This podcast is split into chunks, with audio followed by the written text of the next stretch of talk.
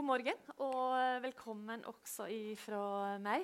Eh, vi kunne vel ikke være mer aktuelle. Vi befinner oss midt i nyhetsbildet når vi tar opp eh, varsling eh, her i dag. Robin Schäfer eh, er for tida Norges mest kjente varsler. Vi er veldig glad for at han har takka ja til å være med oss i dag. Han har vært borte fra det offentlige lyset eh, i snart eh, to år og har ikke stilt opp på intervju eller uttalt seg, men han skal dere få møte om litt. Men aller først skal dere få møte eh, Birte Eriksen som eh, har tatt eh, doktorgrad i arbeidstakers rett til å varsle om kritikkverdige forhold. Det gjorde hun i februar i år. Til daglig så jobber hun som advokat hos Geid advokat i Bergen. Og hun underviser også i arbeidsrett ved Høgskolen Kristiania. Birte Eriksen, velkommen til deg, og vær så god.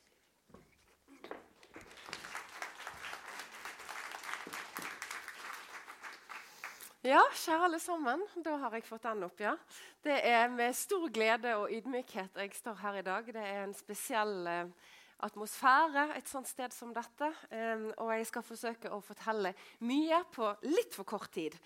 Um, siden jeg takket ja til å komme hit, uh, så har jeg òg blitt advokat for uh, den nye varsleren i Bergenspolitiet. Uh, og det er faktisk litt som Trude sa eh, nærmest sånn politisk og, og, rettslig historie as we speak. Eh, og det er helt utrolig at et år hvor vi har både et storting og en regjering som virkelig er opptatt av dette temaet, så ser vi at den nye saken går i de samme skjeve sporene eh, som Robin sin sak. Det kan være jeg kommer litt tilbake til den saken et par steder her. Det har jeg fått lov til. Eh, så, men, men, jeg skal prøve å gi noen perspektiver på dette temaet, tema som jeg har levd med faktisk siden 2003. Eh, begynte faktisk med interessen knyttet til eh, denne Tønne-saken. Kari Breirem var involvert. Eh, sånn begynte det. De første gangene jeg holdt foredrag om varsling, så opplevde jeg eh, direktører som sto oppi stolen og hylte mot meg. Eh, hvordan jeg kunne forsvare disse brønnpissene og kverulantene og vanskelige ansatte. Og mye mye, mye har skjedd med forståelsen av varslernes rolle og varslingsinstituttet. Men som vi ser, dessverre, litt for ofte så er det mange av de samme fælene man går i på dette feltet. Eh, jeg skal si litt innledningsvis om eh, forholdet mellom ytringsfriheten og varslingstemaet. Litt om det jeg opplever er de, noen av de viktigste erfaringene vi har gjort så langt. Og så skal vi også snakke litt om dette ekspertutvalget som er nedsatt. Litt om mandatet. Er veldig glad for det mandatet utvalget har fått, og jeg er veldig glad for å få lov til å være med i det utvalget. Og det er flere her i salen som skal få være med på det, så det blir spennende begynner litt sånn der oppe. Eh, det gjør jeg alltid. Eh, og spesielt når vi er et sted som dette, så er det greit å minnes litt på hva eh, ytringstemaet i sin essens handler om. Det er tre sentrale verdier eller prinsipper ytringsfriheten vår bygger på. Det er vår rett til å søke sannhet. Det er vår rett til å vokse opp som frie, uavhengige, tenkende individer i samfunnet. Og det er vår rett og moralske plikt til å stille de som styrer, ansvarlige for hvordan de forvalter makten vi gir dem. Veldig ofte så blander folk litt varslingstemaet og ytringsfrihetstemaet. Så det er greit å minne om at dette, denne spesialreguleringen av varsling ligger inne i den store ytringsfriheten.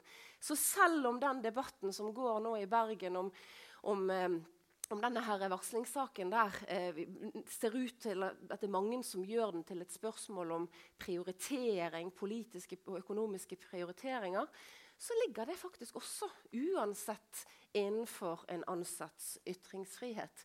Varslervernet kommer på toppen av den beskyttelsen man har under Grunnlovens paragraf 100. Eh, den gir litt andre bevisregler, litt andre erstatningsregler. Eh, og, og, dette særskilte vernet mot å bli utsatt for sanksjonering. Det kommer altså på toppen av den store ytringsfriheten som en arbeidstaker også har. Det var litt sånn for, eh, for oversiktens skyld. Eh, når det gjelder ytringsfrihetstemaet, så er det også greit å minne om at det skjer en del der òg.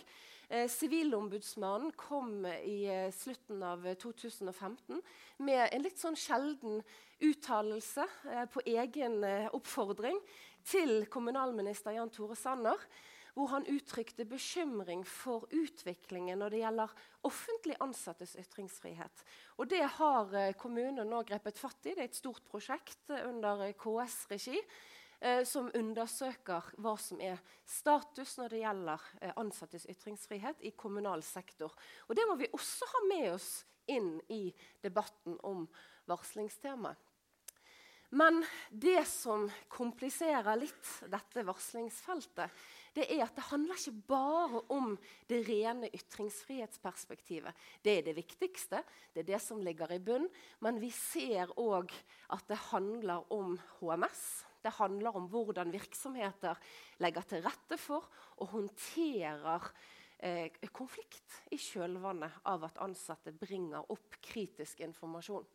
Og i tillegg, og Noe av det som har vært mitt fokus, og noe av det som vi også ser økende fokus på internasjonalt, det er at vi i mye større grad må forstå at varslingsinstituttet det er sikkerhetsmekanismen vår. Det er sikkerhetsmekanismen for demokratiet vårt og for rettsstaten, som vi ser nå. Det så vi både i Robins sak og det ser vi den nye narkovarselsaken, hvis vi skal kalle den for det. Uh, og, og, i tillegg det kanskje det litt mest umodne at varslingsinstituttet også må forstås som en sikkerhetsmekanisme for ledelse. Om det er politisk ledelse eller ledelsen og styrer i private virksomheter. Så der er det, også, der er det kanskje også fremdeles en, en modnings, et modningsbehov. Um, og vi har da, Dette skal ikke være noen sånn jusforelesning, men, men, men, vi har altså levd nå eh, snart med dette særskilte varslervernet i snart ti år. neste år. Og, og, noe av det som er spesielt med vår lovgivning sånn som den er i dag, og den er faktisk ikke så verst på papiret, det vil jeg påstå, det er at fokuset er på å beskytte en varsler som sier ifra eh, av eget initiativ eh, om det vedkommende opplever som kritikkverdig. Eh, og Det er litt i, i, i motsats til eh, den utviklingen vi ser i USA, hvor det er mer og mer fokus på å belønne varslere som bringer frem kritisk informasjon. Eh, vi har disse tre bestemmelsene som man også må ses i sammenheng. Det er den ubetingete retten til å varsle om alle kritikkverdige forhold, så lenge det gjøres forsvarlig. Um, og så er det da denne ubetingete retten til å bli beskyttet mot ulovlig sanksjonering eller gjengjeldelse. Og så har vi den bestemmelsen som kanskje er den som det ligger mest potensial i. Det er arbeidsgivers plikt til å legge til rette for at det skal være trygt å varsle internt i den enkelte virksomhet. Det er også spesielt i forhold til mange andre lands lovgivning at den omfatter alle kritikkverdige forhold. Går vi til Storbritannia, for eksempel, så er det seks spesifikke kategorier wrongdoing som utløser varslervernet der. Og Det er i tillegg veldig interessant at det omfatter også brudd på etiske normer, ikke bare rettslige. Det er også litt sær, særegent i, i, i, i internasjonal sammenheng. Og så har vi denne der, uh, også at det alltid er ubetinget et, uh, forsvarlig å varsle til offentlige myndigheter. Det som ofte er problemet, eller utfordringen, det ser vi i rettspraksis, det ser vi i, i mye av det som utspiller seg i media, det er at man ikke forstår i, i, i god nok grad koblingene mellom varsling som en prosess som på, og Det ser vi jo i den nye saken som går. Sant? At det er en ansatt som har forsøkt å nå frem over tid, gjerne til flere mottak. Um, og, og, før man da føler seg litt sånn tvunget til å gå uh, videre. Uh, vi har tre nivåer å varsle til. I, uh, varsles det internt, så forlater ikke den kritiske informasjonen virksomheten. Vi sier òg at en arbeidsgiver i utgangspunktet og i normalsituasjoner har en legitim forventning til å få lov til å rydde opp i forholdet internt eh, eh, før, eh, før, et varsel går videre, i, i normaltilfelle så er det offentlige myndigheter. Og der har det også vist seg, bl.a. i Robin Schäfer sin sak, at Arbeidstilsynet eksempel, ikke har den, det mandatet og den rollen, de ressursene, de systemene som lovgivningen nesten sånn forventer at sånne myndigheter skal ha for å kunne motta varsler på en trygg måte på det jeg kaller for andre nivået. Så hvis de svikter òg, eller hvis man ikke føler å få den hjelpen man trenger der, så er det offentligheten som står eh, igjen. Så hva vil jeg da si er noen Dette er bare noen av utfordringene. Eh, noen av de har jeg skrevet om i avhandlingen min. Det fins også flere, og det er ulike syn på dette. Eh, men dette er noe av det eh, jeg har forholdt meg til det er at det er vilkåret kritikkverdige forhold eh, veldig ofte tolkes eh, feil eller for snevert. Det er spesielt dette her med når det er faglig uenighet som faller under den alminnelige ytringsfriheten, og når det er et kritikkverdig forhold som utløser det særskilte varslervernet. Så er det dette forbudet mot beskyttelse. Der ser vi òg at det er en utfordring hvordan dette her årsak-sammenheng-vilkåret eh, tolkes i, spesielt i rettspraksis. Det er ikke så lett å nå frem med påstander om ulovlig gjengjeldelse. Eh, forsvarlighetsvilkåret, som mange har sagt er et stort problem, det har ikke voldt så store problemer i rettspraksis. Men kanskje det er en, et stort hinder, for det skaper usikkerhet eh, i, i, forhold til beslutningen om å varsle. Her føler jeg at vi vet litt for lite. Um, så er det uh, koblingen til denne plikten arbeidsgiver har til å legge til rette for intern varsling. Når arbeidsgiver ikke har gjort denne jobben sin, så er det spørsmål hvor mye man skal vektlegge det i dommer uh, på dette feltet. I tillegg jeg har allerede nevnt det, så er det en utfordring eh, å sikre at tilsynsmyndighetene har det si, systemet og ressursene og kompetansen til å ivareta sin rolle som varslingsmottak. Eh, og det er åpenbart, i hvert fall på det jeg har studert av rettspraksis, at domstolene mangler grunnleggende forståelse for psykologien i disse sakene. Når makten utfordres, når kanskje illegitim makt utfordres, så forstår ikke Det er i hvert fall ikke nok fokus på å forstå hva som skjer i en organisasjon da. Eh, og så har vi jo det som har gått igjen i, i Robin Schäfers sak, og som ser ut til å være en utfordring i den nye saken i Bergenspolitiet. Hvordan i all verden sikre en habil og uavhengig undersøkelse og mottak av mottatte varsler, som gjerne utfordrer ledelsen selv? i et system hvor eh, alle aktørene har ulike roller i forhold til hverandre. Eh, det er en, en, en, debatt som jeg, jeg, håper vi skal se en utvikling på fremover.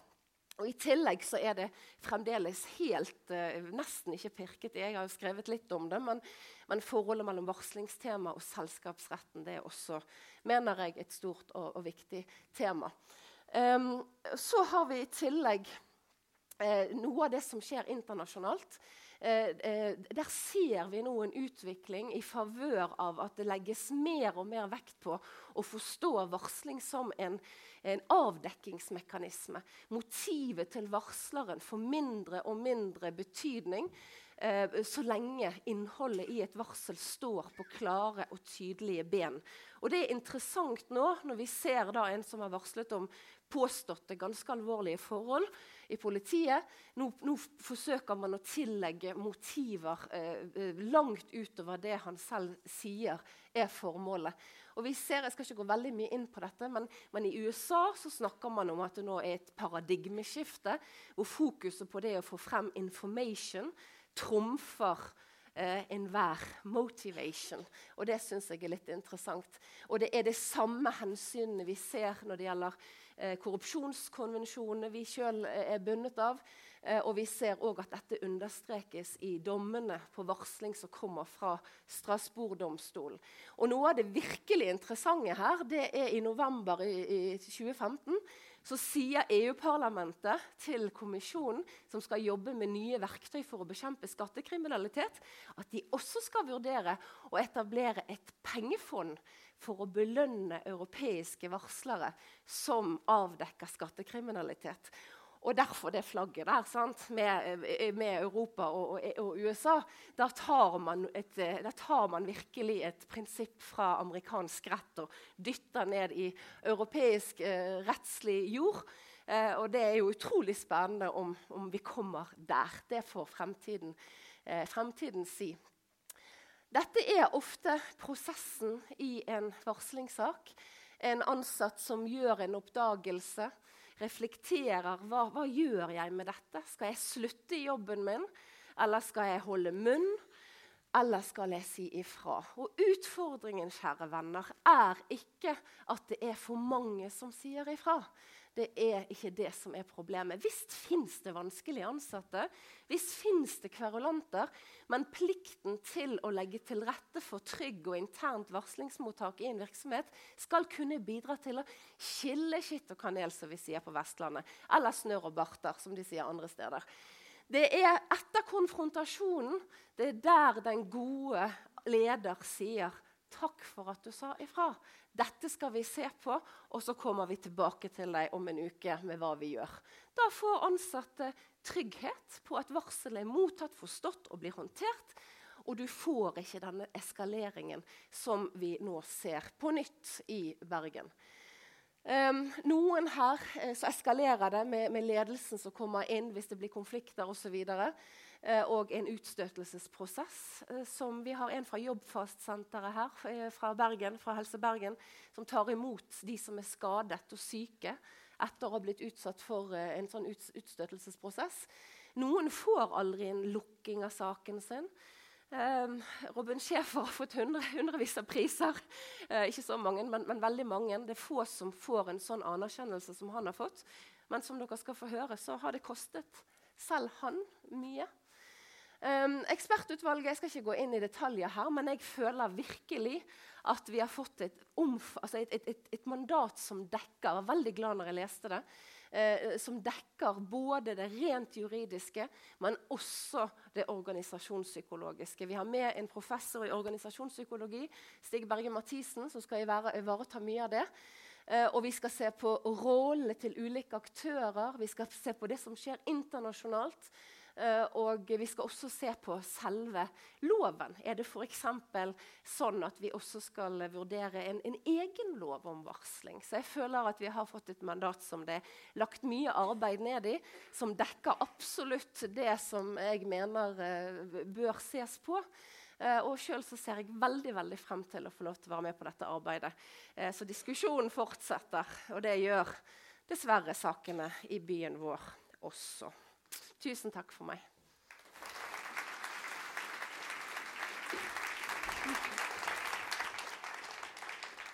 Tusen takk til uh, Birte Eriksen. Jeg er helt sikker på at du kunne snakka om uh, dette i, i, mange timer. Men vi skal jo også ha en debatt her, og Birte er en av debattantene, så du skal få reflektere enda mer. Monica-saka er av mange kalla for den største politiskandalen i moderne tid, i alle fall. Det er historien om ei lita jente som blir utsatt for en grusom forbrytelse uten at politiet gjør jobben sin. I dag har vi fasiten. Monicas drapsmann har fått sin dom. Og det hadde ikke skjedd uten Robin Schäfer. Vi vet også at det var Robin Schäfer som ble behandla som skurken. Jeg er veldig glad for at Robin Schäfer er her i dag. Eh, og han kommer sammen med lokallagslederen i Politiets Fellesforbund eh, i eh, Vest politidistrikt, Kjetil Rekdal. Velkommen, begge to.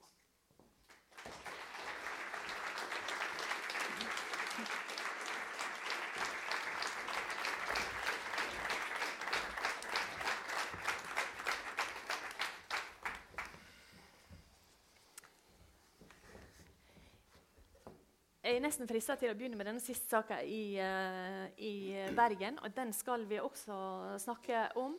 Men uh, aller først, Robin, naturlig spørsmål til deg nå er hvordan har du det i dag? I dag så har jeg det veldig bra. det er jo ingen hemmelighet at saken har krevd sitt. og Eh,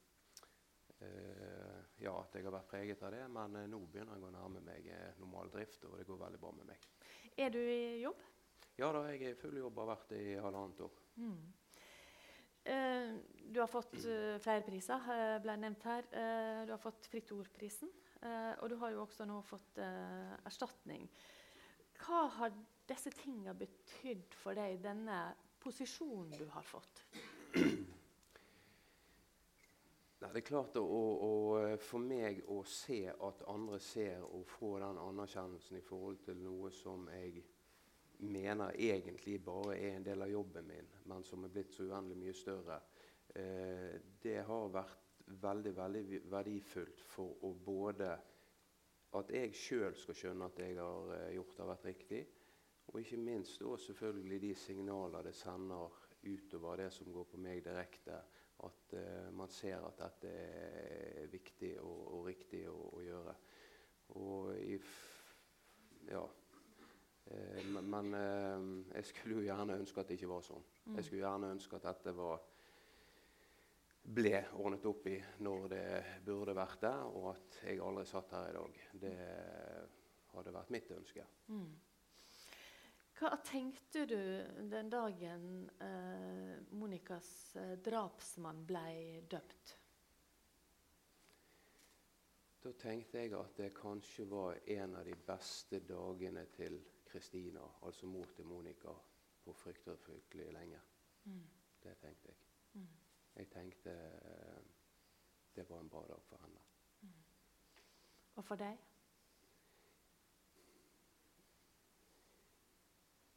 Ja, for meg òg, men, det, det, det, blir litt sånn uh,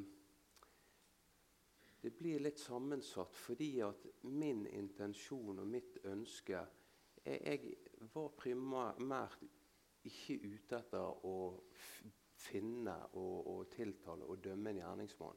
Jeg var ute etter at saken, en liten jente, i mitt hode aldri kunne bli liggende stemplet som et selvdrap, altså som sjøl fikk skyld for sin egen død. Det, det, var på en måte det var vel så viktig for meg å rette opp igjen det og sørge for at saken ble behandlet skikkelig. Så blir det en sånn bonus eh, eller en, en, en ekstra eh, verdi. Selvfølgelig at man kommer så langt som man, man kom. Men og klart også, jeg skal ikke underslå det at for meg òg er jo det en en stor ting at man kommer så langt som man kan komme i sak, nemlig føre til en, eh, en domfellelse. Nå skal det riktignok understrekes han var dømt i, i sted. Nå er jo det en sak som skal behandles på nytt. Og sånn at det er jo ikke noe eh, endelig eh, eh dom ennå. Den er ikke rettskraftig i den forstand at den er anka. Ja. Mm. Men det at det, denne saka involverte ei lita uh, jente på åtte år mm. uh, var det noe som gjorde enda mer på en måte maktpåliggende for deg å varsle? Enn om det hadde vært en annen type forbrytelse? En mindre forbrytelse? Ja, definitivt. Og jeg eh, tenker det at det, det, det er nok eh, og, og, og, det kan fremstå som jeg er sånn eh, superordentlig fyr som tar tak i alt. Og det er overhodet ikke riktig. Jeg kan tolerere og akseptere fryktelig mye. jeg og har en høy terskel for, eh, for eh, Kan ha for mange ting. Men altså når det, når, det, når det, er snakk om andre menneskers skjebne, og spesielt en mor som kanskje eh, har mistet det eneste og kjæreste hun har, og jeg ser som fagmann at dette er gale, eh, og jeg tenker òg på hvor, hvor, ille det er at denne jenten skal få på en måte altså hun, blir jo, hun blir jo egentlig, eh, Sånn som saken endte, så blir hun egentlig stilt til ansvar for sin egen død. og Det er jo helt, det er jo mm. helt forkastelig, og det er jo uh, nesten groteskt. Og det, det, det, var langt, langt langt forbi det jeg kunne, kunne se på og, uten å gjøre noe med det. Og jeg eh, ville, skulle og måtte gjøre noe med det. Mm. Den nye uh, varslersaka mm. uh, har nok uh, overraska mange at det dukka opp en ny sånn sak det samme, i det samme politidistriktet. Hvor overraska er du? Nei, Jeg er vel kanskje ikke så overrasket, uh, overrasket over at det dukker opp en ny varslingssak. Uh, fordi at jeg tenker at i større virksomheter så vil det gjerne være ting som det kan være grunn til å stille spørsmål om er kritikkverdig. og Da er det greit å få det avklart. Og, men uh, så, så, så, akkurat i forhold til det er kanskje ikke min overraskelse så stor. Men det jeg, som ligger litt på siden av det, er mer overrasket over, det er det at sånn som jeg ser det fra utsiden Jeg har ikke kjennskap eh, til noe av det som skjer nå i det siste varselet, annet enn det jeg leser i media. Men for meg er det totalt ubegripelig at vi har en tilnærming til en sånn sak som er så dårlig som det kan fremstå for meg, da, med, med trenering av tid, og, og, og, gjerne man ikke har tatt tak i, i, i, tingene på en måte som gjør at det unngår nettopp å bli så stort å havne i media. For det er jo ingen som, som ønsker det. Så, så, så mm. håndteringen så stiller jeg spørsmålstegn over. Mm. Kjetil eh, Rekdal, eh, Ser du eh, klare paralleller i utviklinga av denne siste saka med det som skjedde i Robin sin sak? Uh, ja, jeg gjør det. Eh, beklageligvis. For vi skulle ha tatt ganske mye lærdom av det vi har vært gjennom i Vest og tidligere Hordaland. vi har prøvd å løfte blikket, men det har vist seg vært også i denne saken her utrolig vanskelig å håndtere. Nå er det sånn at Varsler har sendt det til alle av de som sitter på, i toppene innen justissektor. Altså både Politidirektorat, justisminister og riksadvokat eh, i forsommer. Eh, og selv om de har kjennskap til saken, så har det da vist seg å være vanskelig å kunne gi en avklaring. Og Det er jo nettopp det som er, er det viktige i varslingssaken. Å sjekke ut da, hva er det som faktisk er gale. Mm. Er dette her kritikkverdig? Eh, er det et lovbrudd, eh, så endrer vi det. Og De avklaringene har tatt da, etter vårt syn altfor lang tid. Mm, mm. Og det er jo ulike grunner til. Mm.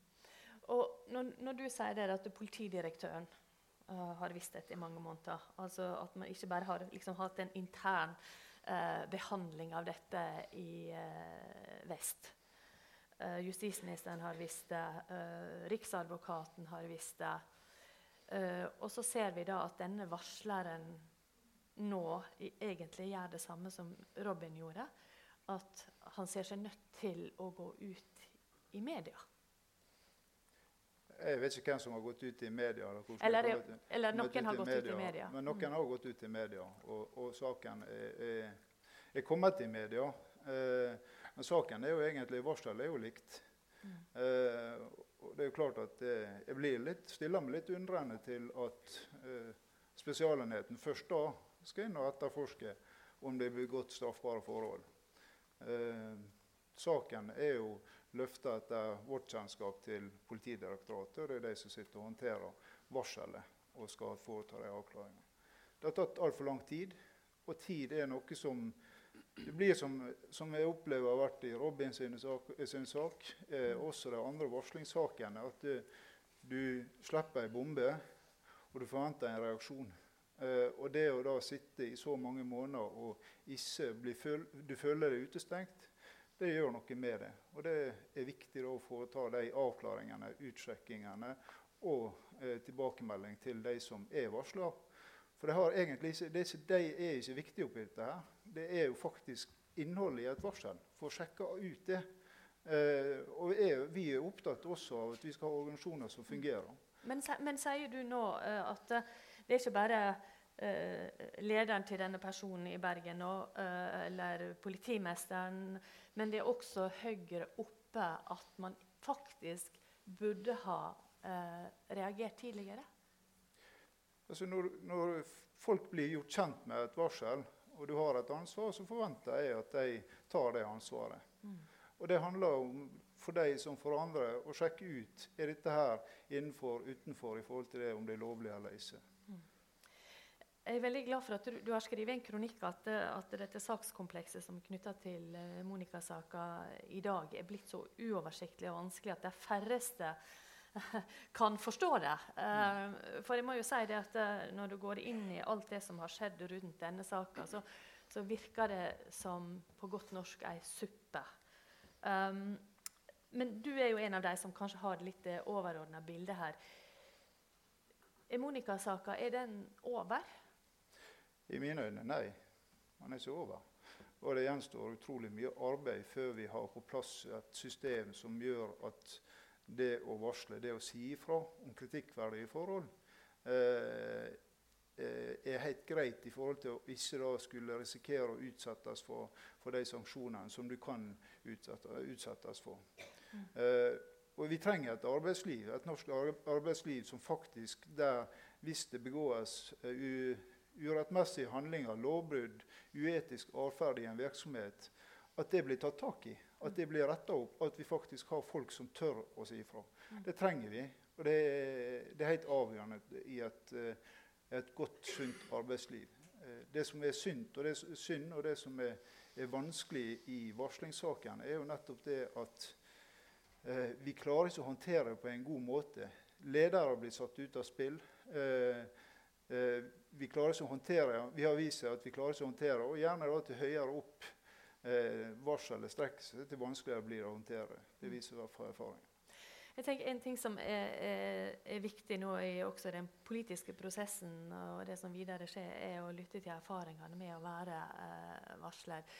Eh, Robin, når eh, skjønte du at du var en varsler, eller at det du gjorde, var å være å varsle? Hvor bevisst var du da i forhold til akkurat det der med å være varsler? Nei, jeg ble det vel eh, Tror jeg etter eh, et par måneders tid. Tidlig eh, Altså Jeg begynte å jobbe med denne saken her akkurat i årsskiftet i 2013-2014. Og eh, etter et par måneder så skjønte vel det, og hadde vel det faktisk oppe som eget tema, hvor jeg diskuterte det med en, eh, med en jurist. Og meg og Kjetil var vel også faktisk innom det temaet ganske tidlig. Men altså, jeg, jeg ønsket ikke å verken bli en varsler og være en varsler. Jeg hadde litt kjennskap til hva det vil si fra tidligere, og jeg forbandt ikke det med noe eh, positivt. Og jeg tenkte kan jeg unngå at jeg kommer dit hen? Kan jeg bare få mine ledere til å våkne opp og skjønne det at her er det ett formål, og det er det øh, øh, og, øh, begynne på saken på, på, ny, så hadde jeg vært ferdig med saken. Men det, det viste seg det ble vanskeligere og vanskeligere, og til slutt så ja, endte du som det mm. Og så hadde du et møte i Politidirektoratet. Ja. Ja, og ennå så var jo ikke det avklart om jeg hadde varslerstatus. Eh, og det er jo òg eh, et eh, Det er jo mildt sagt, mildt sagt, litt betenkelig. For det er jo ikke meg som egentlig skal gi meg mitt varslerstatus. Det skal jo arbeidsgiver eh, sørge for når saken forløper slik som den gjorde. Men når jeg satt i møte den 4.11.2014 med POD til stede og ble forsøkt hindret i å bli en varsler ved direkte eh, uttalt at hva skal til for at vi kan unngå at du blir varsler.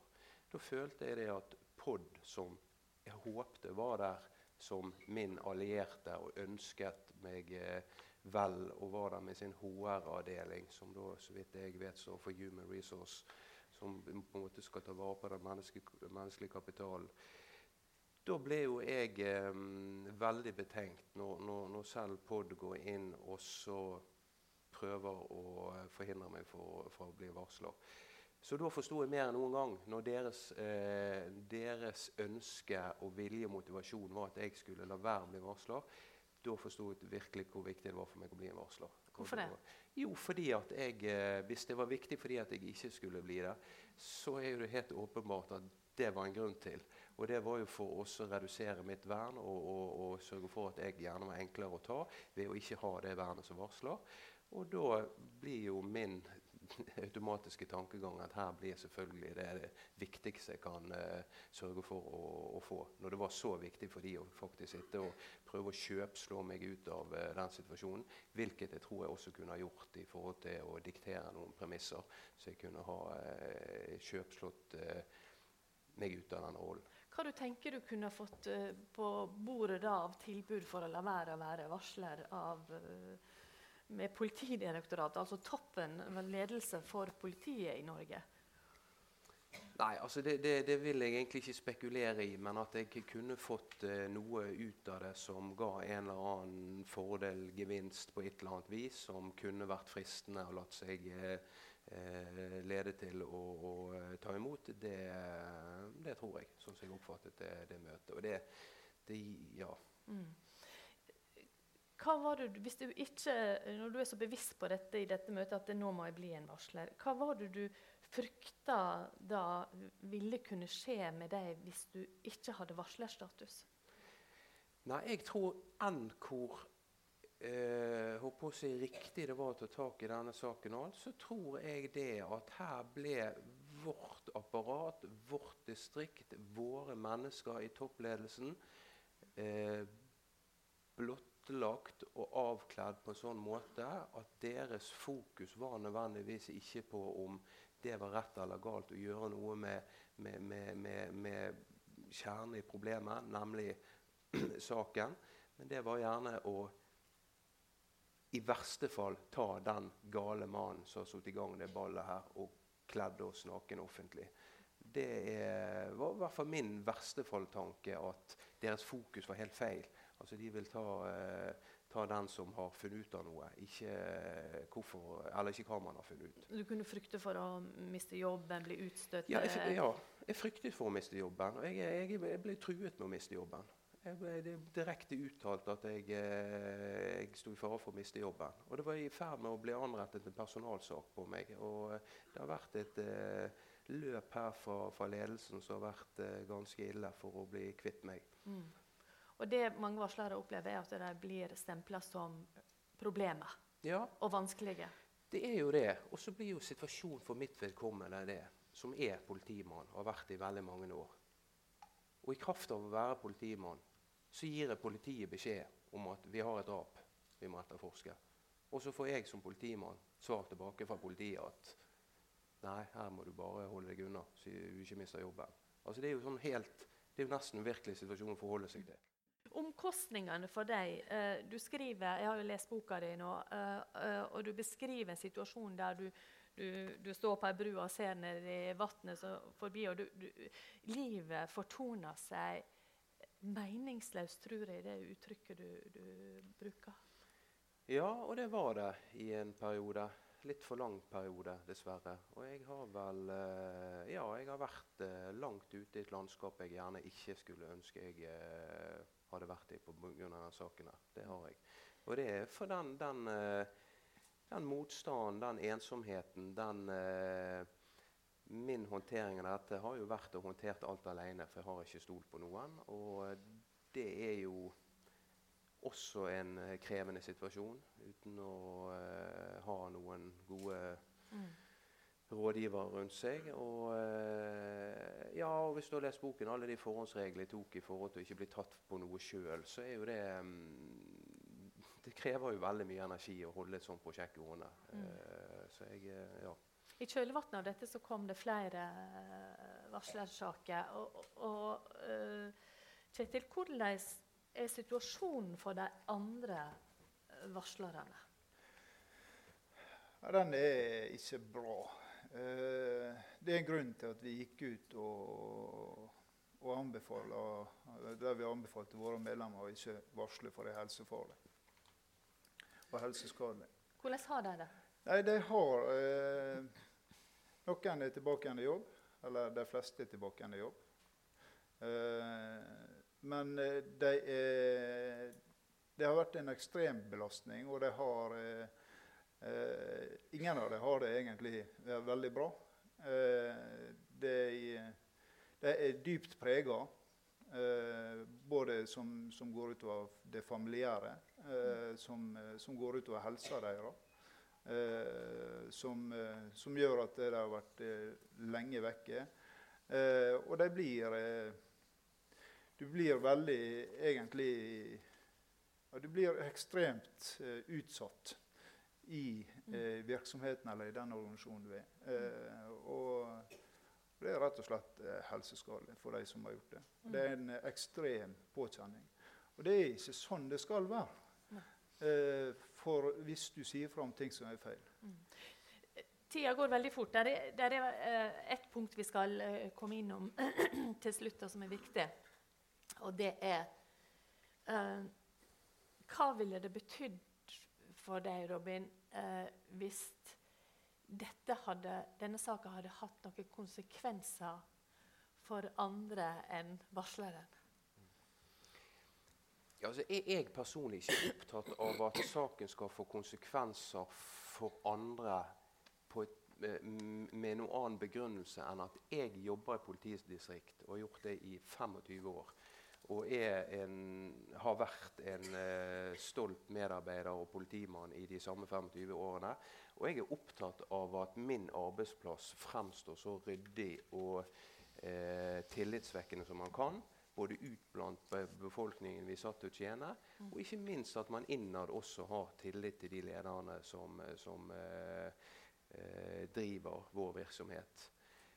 sånn som det er per i dag, så tenker jeg det at det er vanskelig for vårt distrikt å gjenskape en tillit og et omdømme ved å gå videre med et mannskap som har til de grader vist sin egen udugelighet. Syns jeg.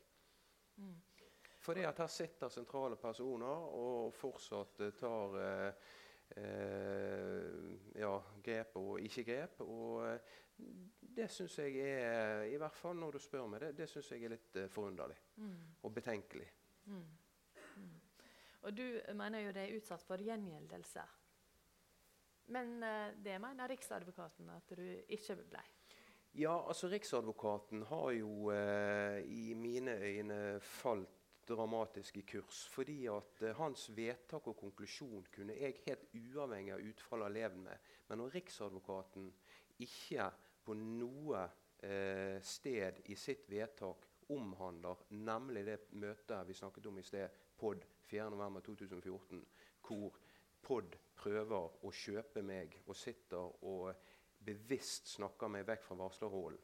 Og det er omtalt i mitt skriv til Riksadvokaten at dette selvfølgelig må inngå som en del av både gjengjeldelse og, og hele sakskomplekset. Og når Riksadvokaten tar seg den frihet, at han er så frekk at han ikke tar og omhandler den episoden som kanskje er den mest tungtveiende og det største inngrepet og overgrepet i, min, eh, i, i meg som person, da tenker jeg det at da har ikke han gjort jobben sin. Mm. Eh, I hvert fall ikke godt nok, for det er helt åpenbart at jeg skulle vært med i det vedtaket. Det sier seg selv. Så Rekdal, når, når uh, han klager til Riksadvokaten og han skal behandle spørsmål om hvordan han er behandla, så er kanskje det mest oppsiktsvekkende i behandlinga av Robin Schäfer, dette omtalte uh, møtet, ikke med?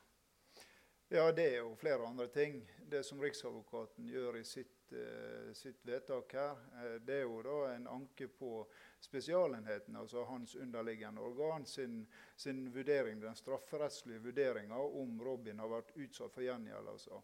Altså. en strafferettslig vurdering om, om, om det har foregått gjengjeldelse.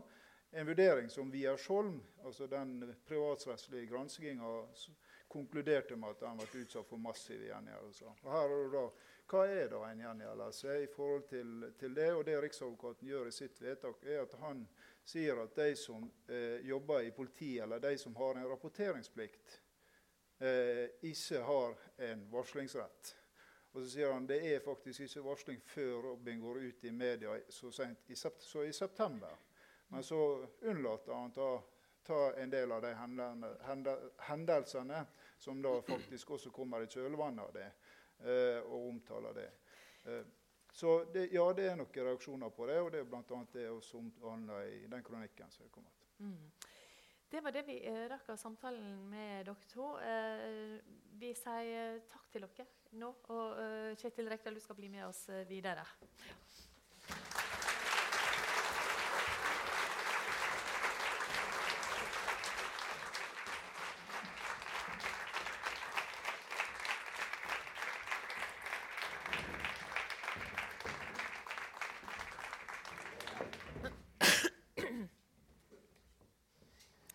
Skal bare ha et lite sceneskift her. Det er mange ting å gripe fatt i. Det er mange ting å diskutere.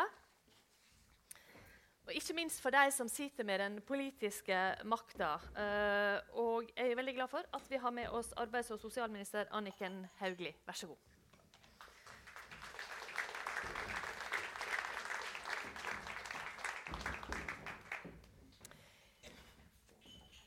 Hauglie, har, har, du møtt sjef her tidligere? Nei, det har jeg ikke. Det er første gang jeg treffer han uh, nå. Jeg må jo si innledningsvis uh, gi all uh, honnør. Det å høre han fortelle er jo som å som å lese en kriminalroman som man ikke skulle tro var, eh, var, sann. Og jeg må si Det er mange aspekter ved den saken hans. Det ene er jo selvfølgelig hvordan det har vært for han eh, som arbeidstaker og, og enkeltperson oppi dette. Eh, men man gjør seg noen refleksjoner også. Ja, jeg er småbarnsmor selv. Mm. Hvordan det har vært for ofre i denne saken. Jeg har to barn selv på 10 og 12. Eh, og tenker på hvilken urett de eh, ble opplevd og utsatt uh, for. Men også som samfunnsborger. Det er klart at uh, Hvis ikke Robin hadde stått på sitt og, og tatt den kampen, så hadde altså en barnemorder gått fri. Mm. Uh, man kan gjøre seg en refleksjon rundt det også. Men er saka uh, et grelt eksempel fra norsk arbeidsliv, eller er den på noen måte symptomatisk? Jeg velger å tro at denne saken ikke er representativ. Denne, jeg får håpe at dette er et ekstremt tilfelle. Eh, men den illustrerer jo eh, hvor viktig det er at arbeidsplasser har eh, ikke bare gode rutiner, for det er klart at eh, politiet har jo rutiner. Denne viser jo med full styrke at rutiner ikke er nok. Mm. Eh, at dette handler om noe mer enn at jeg kan, jo, jeg kan, jo, lage så mye lover og regler jeg bare vil. Men det ville jo ikke hjulpet i denne saken, fordi problemet her eh, var jo at man da ikke hadde åpenbart en, en, god kultur på arbeidsplassen. Eh, en god dialog mellom arbeidsgiver- og arbeidstakersiden. Så jeg tror eh, skal, og det skal vi tenke på litt i det videre arbeidet nå også. At ja, lovgiver kan gjøre mye. Vi kan gjøre mye på lovsiden. Men til syvende og sist så har det liten effekt om ikke man også samtidig klarer å etablere en, en kultur for å varsle på arbeidsplassen. Men også eh, hvordan man kan bruke de erfaringene til å lære. Men hva har i dette tilfellet, hva har eh, politiet i Bergen lært av eh, Monica-saken? Mm. Og hvordan kan de bidra til at man, skaper, eh, at man kan forebygge senere tilfeller? Hvilken læring ligger det i det? Mm. Og Da skal vi uh, debattere dette. Uh, vi har med oss de andre debattantene. Vi har de to som vi allerede har pres uh, presentert. Birte Eriksen og Kjetil Rekdal. Og så har vi med oss Elise Christoffersen fra Arbeiderpartiet, som sitter i arbeids- og sosialkomiteen på Stortinget. Velkommen også til deg. Takk. Um,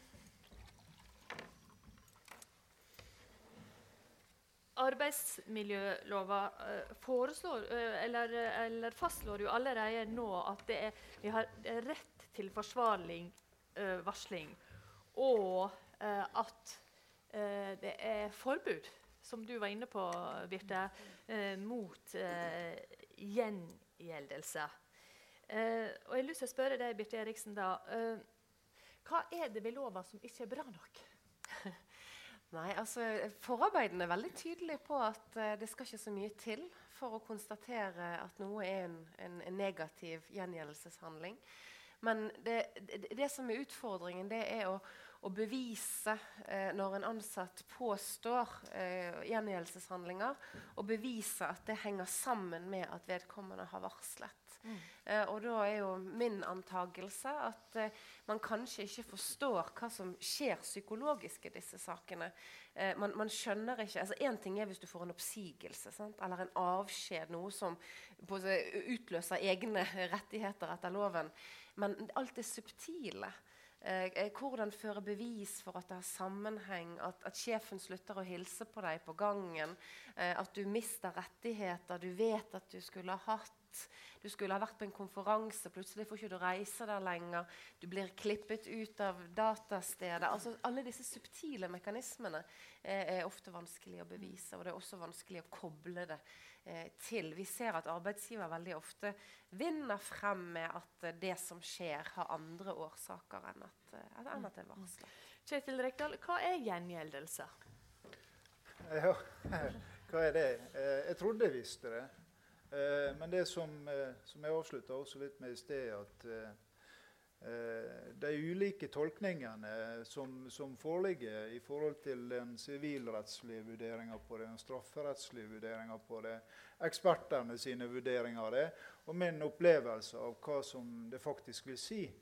Altså når, når en av varslerne blir kasta ut fra sin arbeidsplass og tvangsflytta ned på en ny arbeidsplass mot sin vilje, så opplever jeg det som en gjengjeldelse.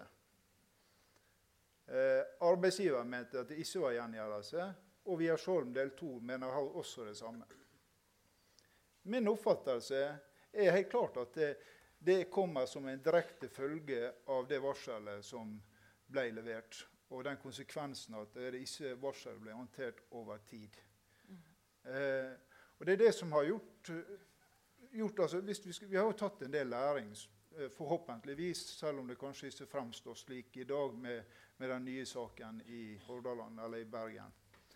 Eh, men, men, jeg klarer ikke å, å, si nå i dag om er dette her en gjengjeldelseshandling eller det ikke en gjengjeldelseshandling. For, for, jeg opplever at de sakene vi har vært gjennom, så er det bortimot nesten alt. Som vi hørte nå Robin beskrive, altså, det føltes nesten som et overgrep for han Eh, eh, det som skjedde i det møtet med Politidirektoratet. Han føler det som et overgrep. Ja, Er det en gjengjeldelse, eller er det ikke en gjengjeldelse? Eh, og Det eneste som ikke har vært borte, er vel fysisk vold. Altså Det er ingen som har slått hverandre.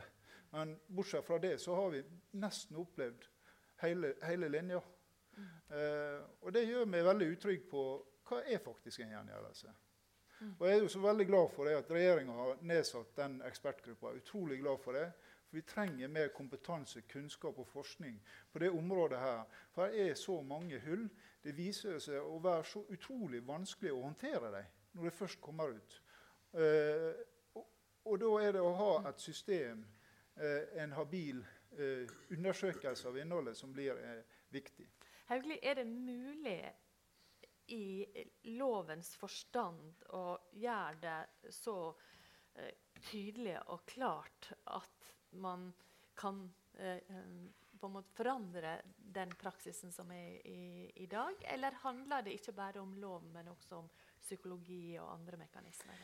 Ja, jeg tror nok ikke vi klarer i lovs form å, å å trekke den absolutte grensen det tror jeg ikke vil være mulig. Og, også fordi at det, kan, det vil jo være vanskelig å som man sier, kan, Hva er gjengjeldelse? Eh, er det på en måte, Skyldes det akkurat denne hendelsen, eller skyldes det andre ting? Det er vanskelig, det er ikke alltid godt å vite hva er eh, faglig uenighet, hva er varsling. Det kan være vanskelig å trekke grensene på det. Og så er det også noe med at tidene forandrer seg også. Altså at, at forhold som vi nå mener er åpenbart eh, riktig å varsle om, var kanskje for 20 år siden ikke det. Eh, om 20 år skal det være helt nye problemstillinger igjen. Så man, så, så man vil ikke kunne trekke en sånn absolutt grense i lovs form. Mm. Men det er jo nettopp derfor det er så utrolig viktig at man på den enkelte arbeidsplass eh, setter dette på dagsordenen. Her er jo arbeidsgiver og tillitsvalgte helt sentrale i å, å, skape en arena for hvordan skal vi ha det hos oss, hvordan skal rutinene være hos oss, hva kan man forvente på vår arbeidsplass blir gjort når en av våre ansatte har en uh, bekymring, det være seg mm. berettiget eller uberettiget. Er dette, er dette, noe man skal gå videre med, eller er det ikke? Så Mye kan man løse i, i lovs form, men, men, man vil aldri kunne løse alt i lovs form. og nettopp Derfor er jeg så opptatt av at uh, dette må man diskutere på arbeidsplassene og sørge for at man har gode rutiner og god kultur der. Mm. Jeg regner med at uh, mange som er her, er, er kjent med de forslagene som er kommet fra regjeringa. Men jeg skal bare nevne de fire viktigste, kanskje da, at uh, Virksomheter som har mer enn ti ansatte, skal være pålagt varslingsrutiner. Også innleid arbeidskraft skal få varslervern. Myndighetene skal ha taushetsplikt. Og eh, man skal rydde opp i eh, varslingsreglene i et eget kapittel i arbeidsmiljølova. Og Kristoffersen, går regjeringa langt nok her? Nei, og det har vel egentlig regjeringa også sjøl sagt uh, at de ikke gjør i første omgang. Og at vi må vente på utredninga fra ekspertutvalget. Vi er kanskje litt mer utålmodige, vi som sitter i eh, opposisjon. Vi har jo fremma konkrete forslag i Stortinget. Det gjorde vi i januar. Ble behandla i april. Og eh, jeg var jo også med da vi innførte de varslerbestemmelsene som gjelder i dag. Og vi var i tvil. Det var litt sånn på den ene side, på den andre side. Er dette tett og godt nok? I Eh, 2007. eh, ja, Er dette her håndterbart? Og så bestemte vi oss jo for at det skulle evalueres, og det har jo også skjedd. Men hva vil Arbeiderpartiet eh, foreslå at man burde gjøre her? F.eks. den svenske modellen som dere har snakka om. Er det realistisk? Ja, altså Det er én side ved det hele som ikke står i mandatet, og det handler jo om kildevern. Uh, I Norge så har du rett til å beskytte dine kilder. Og vi snakker jo her om at varsling noen ganger tas til media fordi de, en ikke når fram uh, på andre måter. I Sverige så har en en lovgivning hvor det å beskytte kilder er en plikt. Og vi har egentlig bedt regjeringa om å vurdere det i Norge også. Og sånn som jeg oppfatter mandatet til ekspertutvalget, så er det passe rundt i kanten til at ekspertutvalget sjøl eh, kan velge å ta det temaet opp. Og jeg håper jo også ekspertutvalget da leser det som ligger av forslag som er fremma i Stortinget. Og det var jo ikke bare det. Vi eh, fremma jo også et forslag om å tydeliggjøre retten til anonym varsling. Samtidig tydeliggjøre at det skal være mulig å eh, varsle fortrolig. Det skal være mulig å varsle åpent uten å bli gjenstand for sanksjoner. Arbeidsgiveren må bevise at den ikke eh, at en ikke har gått til det skrittet med gjengjeldelse. Offentlig ansatte med munnkurv. En styggedom. Få det bort. Eh, vi, eh, Det, det er mange ting her som Ja. dette utvalget skal uh, se nærmere på. En ting som jeg hengte meg litt opp, opp i med bakgrunn i disse sakene i Bergen, er at myndighetene skal ha taushetsplikt om hvem som, skal, som har varsla dem. Eh, og da tenker jeg Når du ser på Arbeidstilsynets rolle i Bergen, eh, eh, hvem er myndighetene? Ja, det, jo, det kan jo være tilsyn og, og andre organer som eh, kan, ja, Tilsynsmyndigheter og annet er jo det eh, som man kan varsle til. Men jeg tror eh, når det gjelder på en måte den enkelte virksomhet, f.eks., eh, så man, er det fullt mulig å gå lenger enn det loven Men jeg vil eh, gjerne snakke om Arbeidstilsynet litt. Grann, fordi at det var litt interessant i forhold til Bergen. Og Birte Eriksen, Hva lærte man av Schæfers sak når det gjelder Arbeidstilsynets mandat? Ja, altså På den ene siden så står det jo i loven at du alltid skal kunne varsle trygt til eh, offentlige myndigheter, inklusiv eh, Arbeidstilsynet. Arbeidstilsynet er jo for øvrig det eneste organet som har kildevern allerede. bare så det er også litt interessant. Eh, men det vi, det vi ser, det er at mandatet, mandatet til Arbeidstilsynet ikke dekker det å gå inn i en enkelt varslingssak. Eh, sånn som Robin Schäfer eh, sin sak. Og, og Spesialenhetene har jo til og med uttalt at hvis de hadde hatt Arbeidstilsynet på, ø, ø, på banen i, i hans sak, så kunne vurderingene deres blitt en annen. Eh, og det er jo uttalelser som er ganske oppsiktsvekkende. Eh, så, så det, det, og så har jeg også vært mye rundt det. Jeg har holdt mye foredrag i Arbeidstilsynet og sånne ting, og har hatt gode diskusjoner.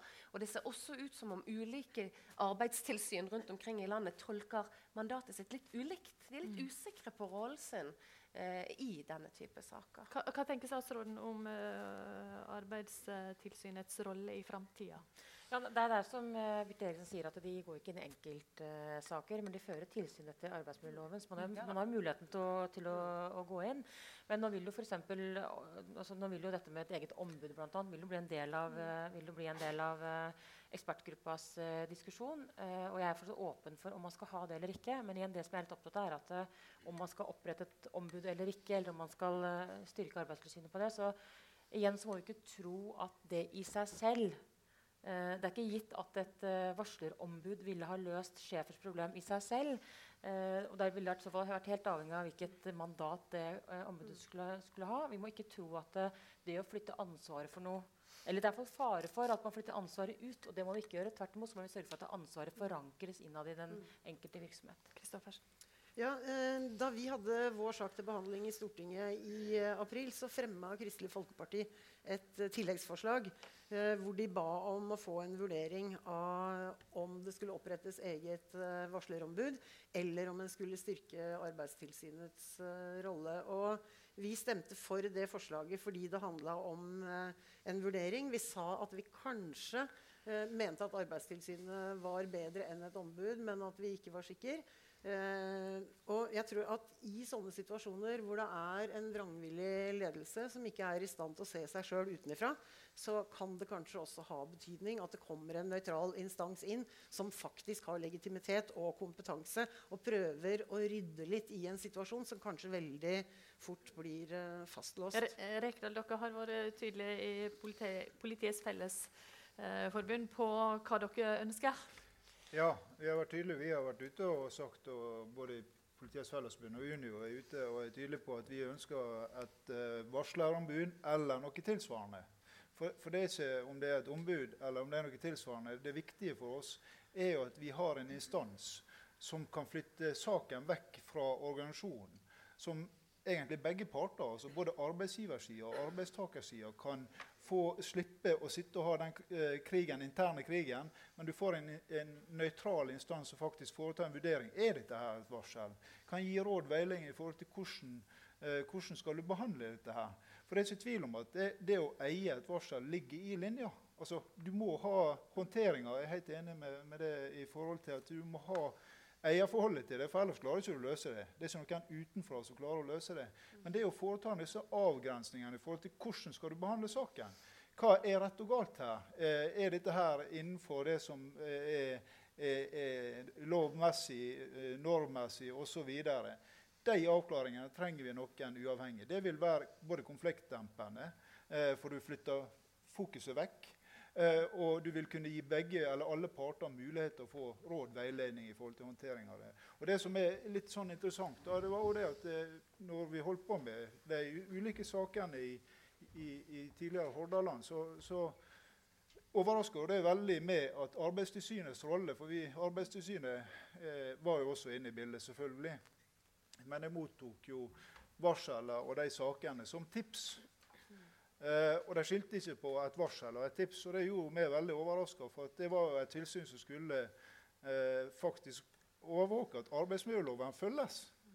Eh, men erfaringene våre var det at de hadde ikke det ønsket om å gå inn og faktisk håndtere sakene. De kan godt gå inn og vurdere og gi pålegg, men de vil ikke gå inn og håndtere sakene. Mm. Eh, og det forteller meg Så lenge ikke de har det ønsket, eller i hvert fall det mandatet, som er ganske klart, så trenger vi noe annet eller et organ, eller de må ha et annet mandat.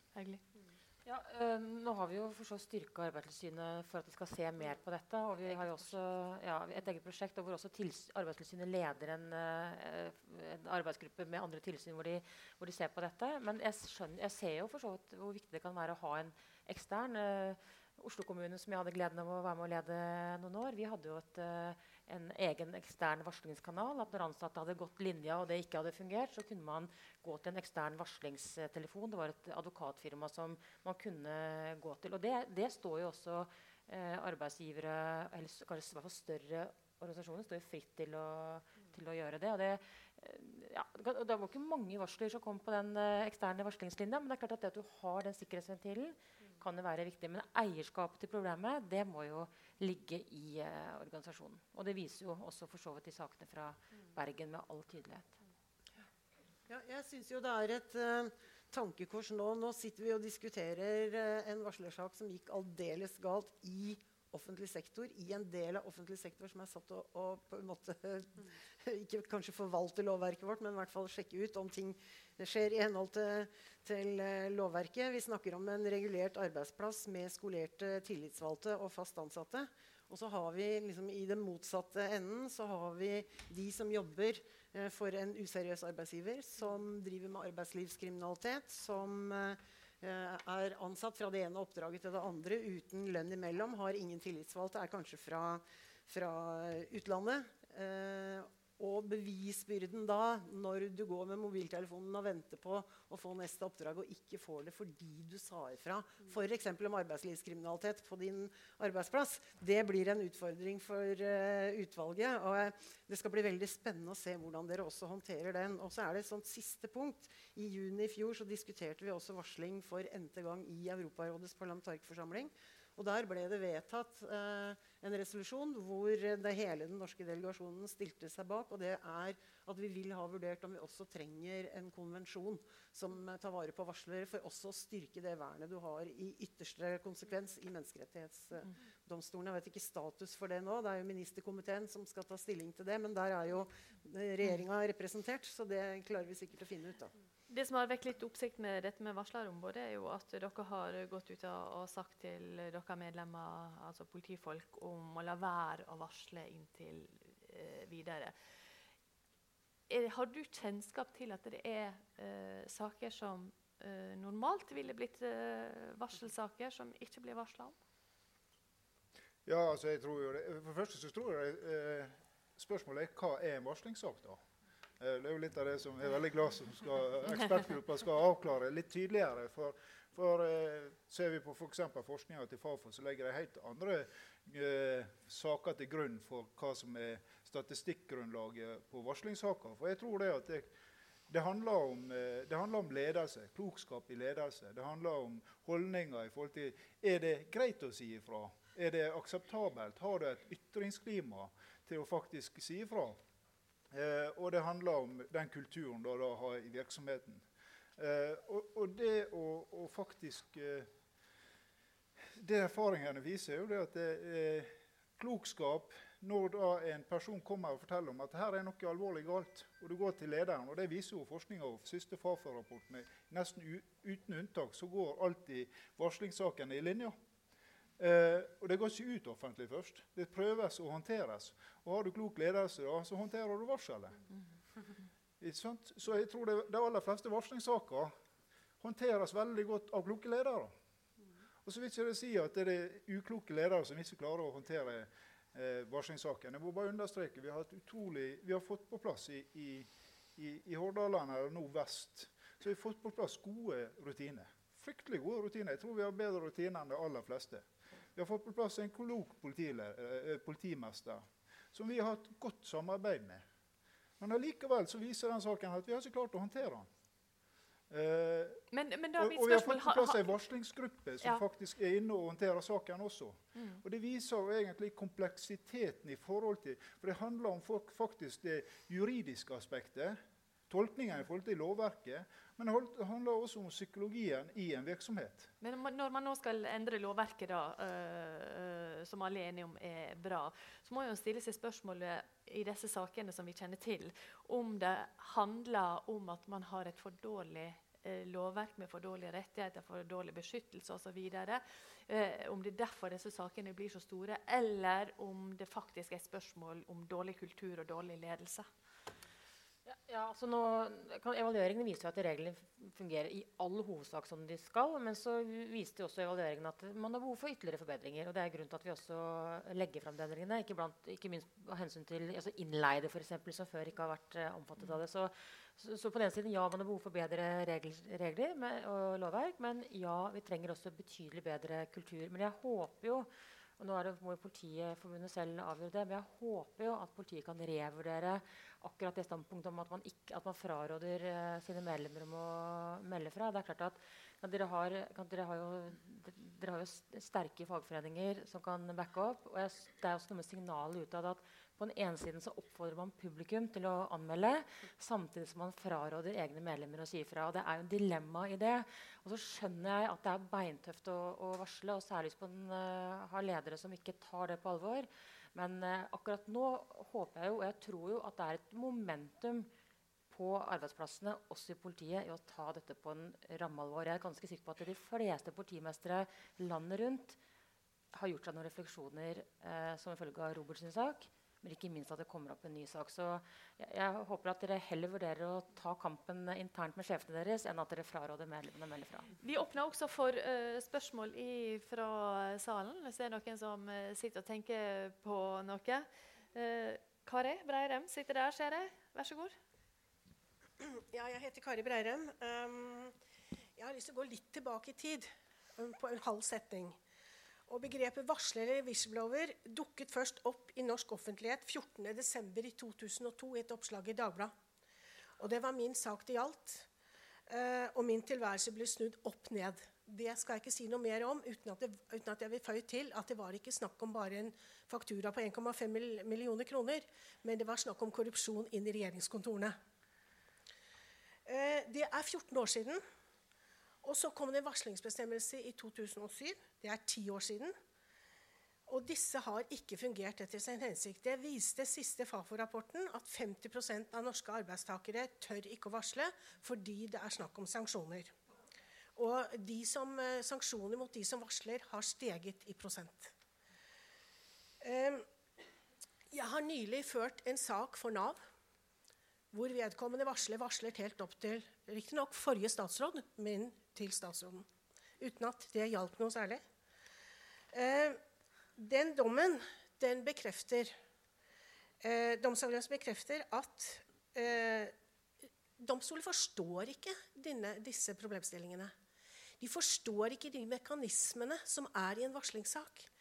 Det, at, eh, det å vurdere bevisene, bevisene for gjengjeldelse mot årsakssammenheng altså De forstår rett og slett ikke at dette går over tid, dette subtile som Birte var inne på osv. Det er helt, helt uh, uforståelig, og det ser man i erfaring fra flere dommer. Um, den saken jeg snakker om nå, den var for øvrig også i et uh, Brennpunkt-program, uh, i dokumentar i NRK. Uh, nå skal regjeringen sette ned et ekspertutvalg, og det er bra, det.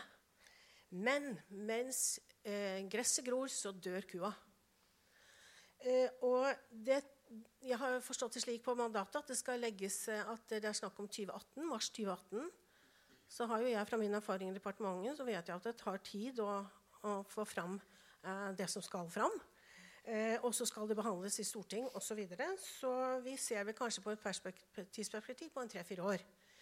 Hva med de personene som da jeg har henvendelse fra, jeg jobber for, eh, som varsler i mellomtiden? Jeg har til og med en sak hvor varsleren tok sitt eget liv. Dette er ikke lett for oss som jobber med disse sakene, å sitte og se på. Så mitt spørsmål er, og, og det jeg opplever, det er at eh, man er aggressiv i opposisjon i Stortinget, og så er man svært så passiv når man kommer i posisjon. Det har jeg sett nå fra, helt fra 2002.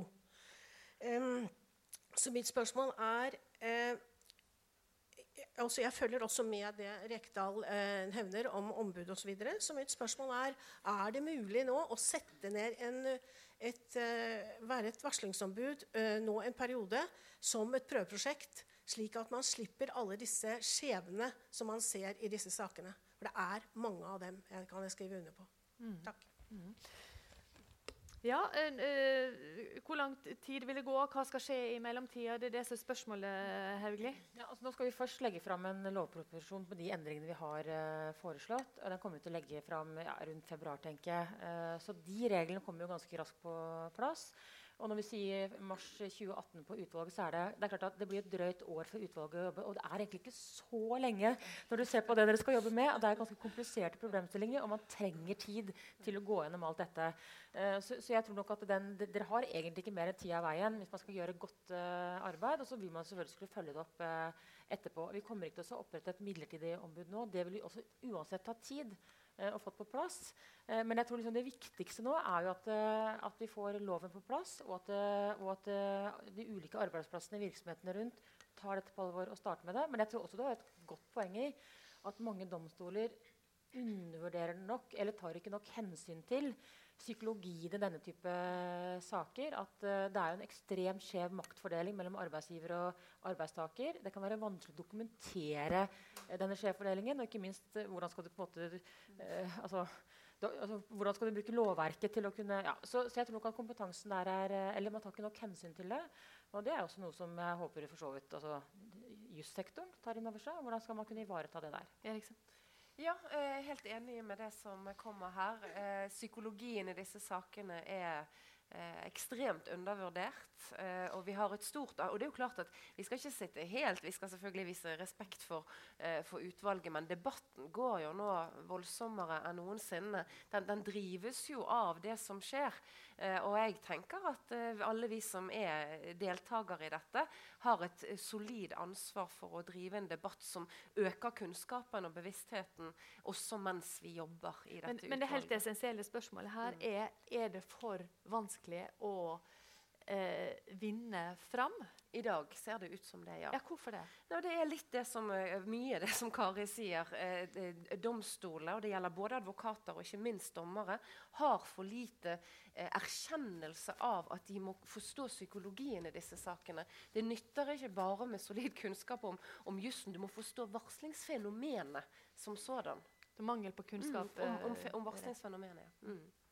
Ja, Det sier jo litt om at dette her også må inn i utdanninger og videre. og etterutdanninger, selvfølgelig. Eh, Det må en økende bevissthet til på arbeidsgiversida eh, og arbeidstakersida. Det ble jo sagt her at KS er i gang. Offentlige arbeidsgivere kan jo på en måte gå foran. Anniken Hauglie er leder for eh, en Nav-etat hvor det er mange saker som gjelder varsling. Sjøl har jeg vært ordfører i en kommune. Du har et ansvar som politiker også. og det ansvaret bør jo også vi ta. Og så eh, kunne det jo kanskje gå an å framskynde akkurat den biten som går på, på det med arbeidstilsyn eller ombud. For det er en litt annerledes problemstilling enn eh, mye av de andre litt tyngre. Og så er jeg, i og med at jeg ser tida nærmer seg slutten her, så er jeg også opptatt av hva gjør vi med alle dem som sitter der med problemene sine fordi en har prøvd å varsle i den tida som har gått. Altså, det, det kom så mange henvendelser når vi reiste dette forslaget i Stortinget. Jeg fikk tre bøker, jeg fikk besøk på Stortinget, jeg fikk e-poster eh, fra den ene etter den andre. En av dem som gjorde størst inntrykk, var ei dame som heter Mona Brink, som fyller 80 år neste år. Som mange år siden varsla om eh, å bli utsatt for giftstoffer på sin arbeidsplass. Tok saken helt til Høyesterett, var tøff nok til det. Avvist i alle ledd. Nå står de stoffene på EUs liste over giftige kjemikalier som du ikke skal eksponeres for. Og det de ble utsatt for i sin tid, det ligger langt over de grenseverdiene som gjelder i dag. Så hvordan skal vi sikre at de menneskene får en oppreisning og en avslutning? Det syns jeg også er viktig. Vi rekker eh, litt spørsmål til fra salen. Jeg ser det er flere som har meldt seg inn der. Kan du bare presentere deg? Ja, jeg skal presentere meg. Jeg heter Cecilie Thorsen. Og nå snakker dere så mye om psykologien at eh, siden jeg jobber som psykolog med disse tingene, så må jeg nesten si noe om det. eh, grunnen til at jeg har lyst til å si noe, det er at jeg eh, eh, sitter med erfaring fra jeg vet ikke hvor mange titalls, kanskje 50-60 varslingssaker, som jeg jobber med til dagen på Haukeland sykehus. Der jeg møter folk som, eh, som eh, lider noe helt enormt etter det de har vært gjennom i forhold til disse tingene. Og det, det er tre ting jeg har lyst til å rett oppsummere som en replikk og en kommentar til noe av det dere sier. Det er ikke et spørsmål. sånn sett. Det er rett og slett at eh, det er enormt viktig at man i det fremtidige arbeidet faktisk skjønner disse psykologiske mekanismene. Vi snakker om dem, men hva er de? Hva er de? Hva, hva handler det om for de som er varslere og er i situasjonen? Hva handler det om for ledere som er involvert, og hva handler det om i organisasjonene? Maktperspektivene og dynamikken og det som faktisk oppstår. For det er noen enorme krefter i sving. Så enorme at folk blir kjempesyke, rett og slett. Eh, det andre jeg har lyst til å si, er at dette her er ekstremt komplekst. Et, det finnes ingen enkle svar. Det er ikke juss, eh, det er ikke bare psykologi. Eh, det er ikke sånn eller sånn. Det finnes så mange variasjoner og sannheter, og det er så mange agendaer ute og går. Det må vi ha i tankene. Og det tredje jeg har lyst til å si, det er at jeg blir så glad når jeg hører at dere snakker om kultur og ledelse. Fordi det er det jeg sitter og oppsummerer for meg sjøl i alle disse sakene jeg hører. Eh, at vi kan gjerne ha gode rutiner og prosedyrer, og det må vi ha. Og vi må ha et lovverk. Men det koker til syvende og sist ned til kultur og ledelse. Eh, og det er et ordtak som sier det at eh, 'culture eats procedure for breakfast'. Det handler om noe på et lavere plan, tenkte jeg. Vi tar en til med, det- med det samme der. Hei, Arne Jensen heter jeg. Jeg er generalsekretær i Norsk redaktørforening og skal sitte sammen med Birte i, i eh, det oppnevnte utvalget. Eh, en kommentar og et spørsmål. Eh, og kommentaren går på det forslaget som nå ligger fremme. Og problemet med det er jo ikke primært det som står der, men det det som ikke står der. Fordi det er jo rettet inn som et spørsmål om arbeidsmiljø og, og rettigheter for arbeidstaker. Og det er det litt trange perspektivet. Det er ikke det at det er uviktig, men det er litt for snevert. Og det er mandatet som utvalget har fått, gir jo et større, spenner en større, større himmel over det, og det er veldig viktig. Så ble det nevnt det med taushetsplikt. eh, at det var et fremskritt. Ja, det er det nok. Men det er jo en avgrenset taushetsplikt, for den gjelder bare den forvaltningsmessige behandlingen av saken. Så hvis saken går til rettsapparatet, så vil det være prosesslovgivningen som styrer eh, din beskyttelse. Og Der er det helt andre kriterier. Og dette er altså i motsetning til det kildevernet som vi i mediene holder oss med, som ut fra et etisk perspektiv er absolutt. Så til spørsmålet, fordi eh, kultur eh, skapes jo av mange. Eh, og nå har vi diskutert forholdet mellom god og dårlig ledelse. Min erfaring fra en del varslersaker som jeg har vært engasjert i, er at dette handler også om eh, kultur på tvers. Fordi i mange eh, etater, yrkesgrupper osv. er det sterke eh, indre kulturer. Politiet har en sterk korpsånd. Det er det mange gode grunner til. Leger har en indre, eh, ofte en indre disiplin osv. Og utfordringen det går litt til Kjetil Rekdal, kanskje, Hvordan jobber man med det i forhold til å skape forståelse på tvers i eh, de ulike eh, etatene og yrkesgruppene om, om, eh, behovet for og betydningen av varslere, som jo ofte er ubehagelig også for det kollegiale eh, samarbeidet. Veldig kjapt, for det, vi må avslutte ganske snart. det er vanskelig å gi et veldig kjapt svar, svar, på akkurat det spørsmålet der. Da. Men, eh, men, men, det handler om å jobbe med kultur. Det handler om å bringe frem det at det er faktisk lov å ytre seg i organisasjonen eh, som du er en del av. Eh, og der må de alle organisasjoner ta et ansvar sammen med arbeidsgiver og skape den kulturen. Men så er det noen som har en sterkere rolle som den fremste kulturbæreren i forhold til hva som er akseptabelt og ikke. Eh, og da er det litt av det som er å sette standarden. da. Eh, og det som i hvert fall erfaringene vi har hatt, er jo faktisk at vi har fått på plass et system. Vi har fått på plass faktisk et, et, et, et egen varslingsgruppe som skal håndtere for å skape habilitet, tillit og undersøkelse av et varsel. Men allikevel så ser vi at dette her går skeisen. Det er det vi eh, rekker. Jeg har lyst til uh, avslutningsvis bare, Robin, du har sittet og fulgt uh, debatten her nå. Hva ville det være det viktigste, sånn som du ser det, for dette utvalget nå um, på en måte konsentrere seg om videre? Sånn, altså fra ditt perspektiv alene. Ja, det er jo åpenbart ingen enkel løsning på dette. Men det bekymrer jo meg litt at dette har vært en problematikk som har eksistert i veldig mange år. Så Breirem sier, så har jo det, slik jeg oppfatter det, kanskje ikke beveget seg så veldig mye fremover eh, på disse årene. Og det er jo litt eh, urovekkende. Men, eh, og jeg har heller ingen uh, god, enkel løsning på dette. Men i mitt hode er det to ting som jeg kanskje tenker kan være viktige grep, som kan føre til gode forandringer. Og Det ene det er det at jeg tenker at eh, et varsel burde vært eh, ganske tidlig i prosessen eh, separert fra personen, slik at varselet levde sitt eget liv, og personen var irrelevant. Og behandlingen av varselet den er ikke i noe direkte tilknytning til, til personen. Eh, det er det ene. Og det andre er selvfølgelig at sånn som det er nå, så er jo langt på vei de rutinene som er implementert i forhold til varsling, så er det arbeidsgiver som sjøl skal sørge for oppfølging og eventuelt undersøkelse og granskning og avdekke om det er kritikkverdige forhold. Det faller jo på sin egen urimelighet. For det blir jo som om jeg sjøl skal etterforske om jeg har gjort noe galt eller ikke. Slik at Det neste jeg tenker er det at det må en helt nøytral, uhildet instans, organ, kompetent eh, eh, sammensetning av mennesker som vurderer om varselet inneholder faktisk kritikkverdige forhold. Robin Schäfer, tusen takk til deg. Tusen takk for at du var med oss her i dag. Takk til alle dere som stilte opp eh, her eh, framme på scenen også. Og takk til eh, Fresenter, som har arrangert denne viktige debatten i dag. Og takk til alle dere som kom. Ha en strålende dag.